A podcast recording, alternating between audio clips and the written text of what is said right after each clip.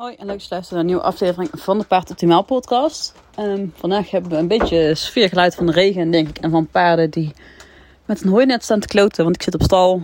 Ik, ben, ik moest net namelijk de ochtenddienst doen. En ik moet vanmiddag uh, naar de huisarts. Maar mijn paard staat... Nou ja, mijn huisarts zit nog steeds in het dorp waar mijn ouders woonden.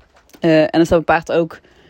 Dus daarom moet ik hier even nog uh, drie uur doorbrengen. Um, dus ik kan eens goed de podcast opnemen en iets nuttigs doen met mijn tijd.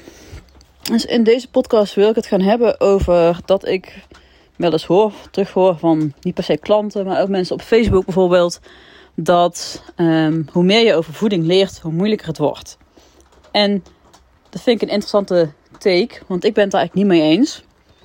Um, want ik denk dat heel veel mensen voeding een vrij complex onderwerp vinden.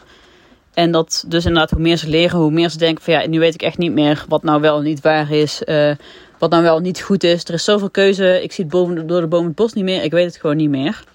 Terwijl ik dus eigenlijk juist vind dat hoe meer je leert, hoe makkelijker het wordt. Um, dus dit zal waarschijnlijk geen hele lange podcast worden, want ik heb eigenlijk niet zoveel over te vertellen.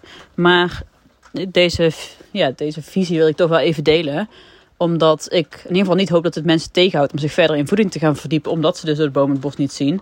Want ik denk dus juist dat als je je meer in voeding gaat verdiepen. Dan ga je door de boom het bos wel zien. En uh, om dan meteen even segway te maken. Mocht jij meer willen leren over voeding. Dan heb ik, uh, als ik dit opneem gisteren, maar uh, als, als je dit luistert, waarschijnlijk een paar weken geleden, heb ik mijn gratis online masterclass, de spijsvertering van je paard, aangekondigd. Uh, en in die masterclass ga ik je dus in vijf dagen meenemen door het hele spijsvertering van het paard. Dus je krijgt in een Facebookgroep komen iedere ochtend uh, een video online staan over een bepaald onderwerp van de spijsvertering. Uh, dus wat aan bod zal komen is de mond, slokdarm, maag, darm, nou dunne darm, dikke darm, dunne darm, andersom, dunne darm, dikke darm. een stukje endeldarm en de lever en de nieren zullen aan bod komen. Um, en die vindt plaats op 4 tot en met 8 juli 2022. Dus mocht je dit later luisteren, dan kun je helaas niet meer meedoen. Maar die masterclass is dus volledig gratis. Je kunt je aanmelden via paardoptimaal.nl slash masterclass. Ik zal ook even de link in de beschrijving zetten. Ik heb dit dus, uh, elke dag is het vandaag? 7 juni heb ik dit al aangekondigd, maar ik ben het steeds vergeten mee, te nemen in de podcast die ik tot nu toe gemaakt heb. Dus daarom doe ik het maar in deze. Als het goed is, komt die nog wel op tijd online.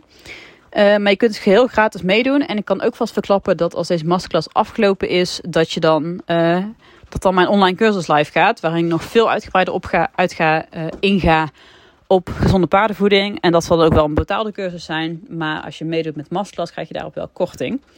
Um, dus dat is natuurlijk wel mooi meegenomen.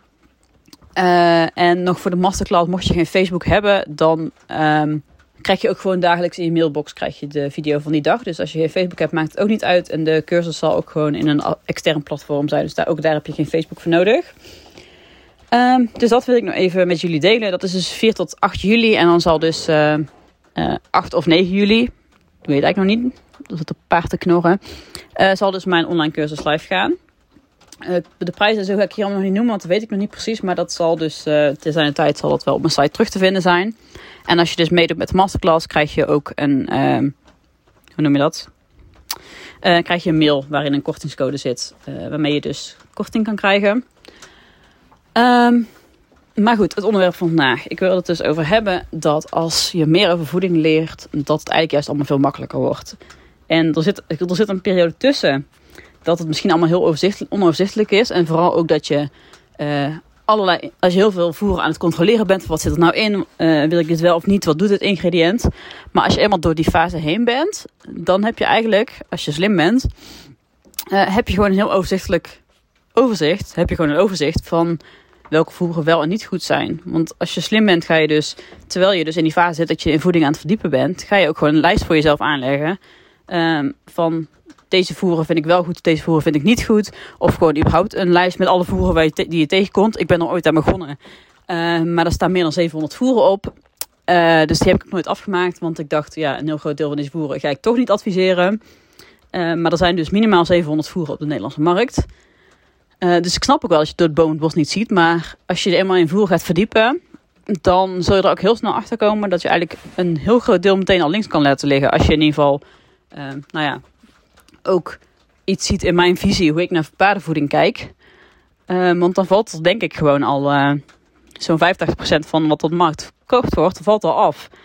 En daarom vind ik het dus eigenlijk juist heel overzichtelijk om meer, je meer te verdiepen in paardenvoeding. Want als je eenmaal op dat punt bent, en dat hoeft echt niet zo heel lang te duren als je gewoon uh, ja, even heel fanatiek research gaat doen, zeg maar. En dus inderdaad zo'n lijst maakt.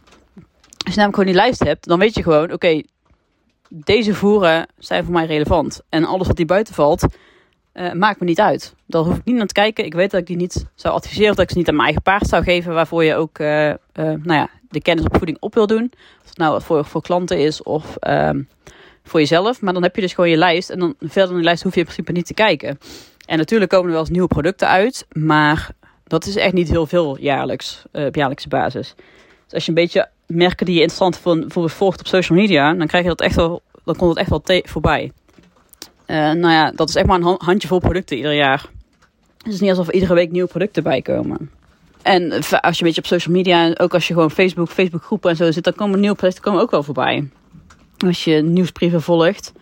Um, maar wat ik dus wil zeggen, als je eenmaal een goede basis hebt, een goede lijst hebt, dan ben je echt al een heel eind. En dan is het dus inderdaad een beetje in de gaten houden van komen er nieuwe producten bij die ik ook nog interessant vind. Die kan ik aan mijn lijst toevoegen.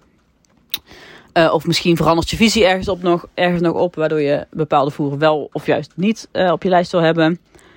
Maar um, wat mij betreft is het dus juist als je eenmaal een beetje daar een zicht op hebt, dan is het eigenlijk super overzichtelijk om je paard gezond te voeren. En ik heb, ik heb misschien wel ergens een lijst, maar ik heb het inmiddels gewoon in mijn hoofd zitten. Welke voeren ik wel niet uh, adviseer. En ik kijk ook naar voeren die gewoon. Ik, heb, ik werk natuurlijk met testsets, dus ik heb bepaalde voeren wel niet in mijn testset zitten. Um, en heel, er zit, er zit een paar ongezondere voeren in mijn testset. En dat is dan vooral omdat klanten van mij die willen wel eens voeren. En ik dus ook ze kan meten en dus ook aan de hand daarvan kan zeggen van het meet gewoon niet goed voor je paard. Want dat is uh, nou ja, nog wel een mooie aanvulling op het, van, vanuit mijn kennis meet het niet goed. Maar verder heb ik ondertussen gewoon redelijk goed in mijn hoofd welke, welke voeren ik wel niet wil adviseren. En ook welke over het algemeen goed voor paarden uitmeten en welke niet. Um, dus ik vind het eigenlijk alleen maar overzichtelijker worden hoe meer je leert. Maar je moet inderdaad wel even door zo'n fase heen waarin je gewoon alles aan het ontdekken bent. Maar als je daar doorheen bent, dan is wat mij betreft echt heel makkelijk en heel overzichtelijk om je paard te voeren. En nou is het wel zo dat de meeste voeren haal je niet bij de plaatselijke voerleverancier. Sommige ook wel. Maar over het algemeen liggen daar toch de voeren die mijn lijst niet zouden halen. Dus veel dingen zul je, als je, als je dat soort voeren wil gaan voeren, zul je gewoon online moeten bestellen. Maar als dat geen belemmering is, dan is wat mij betreft gezond voeren eigenlijk heel makkelijk. Naast dat je natuurlijk ook nog in ideale geval nog allerlei kruiden en diversiteit en zo toevoegt. Dat laat ik dan even terzijde. Want dat vraagt natuurlijk wel weer wat meer research en wat meer uh, ook werk als je gaat wild plukken of wat dan ook. Of dingen zaaien. Maar de, puur over de bijvoeding gezien, um, vind ik het dus eigenlijk juist een stuk makkelijker geworden hoe meer ik weet. Omdat er gewoon zoveel afvalt en je juist daardoor door de boom het bos gaat zien.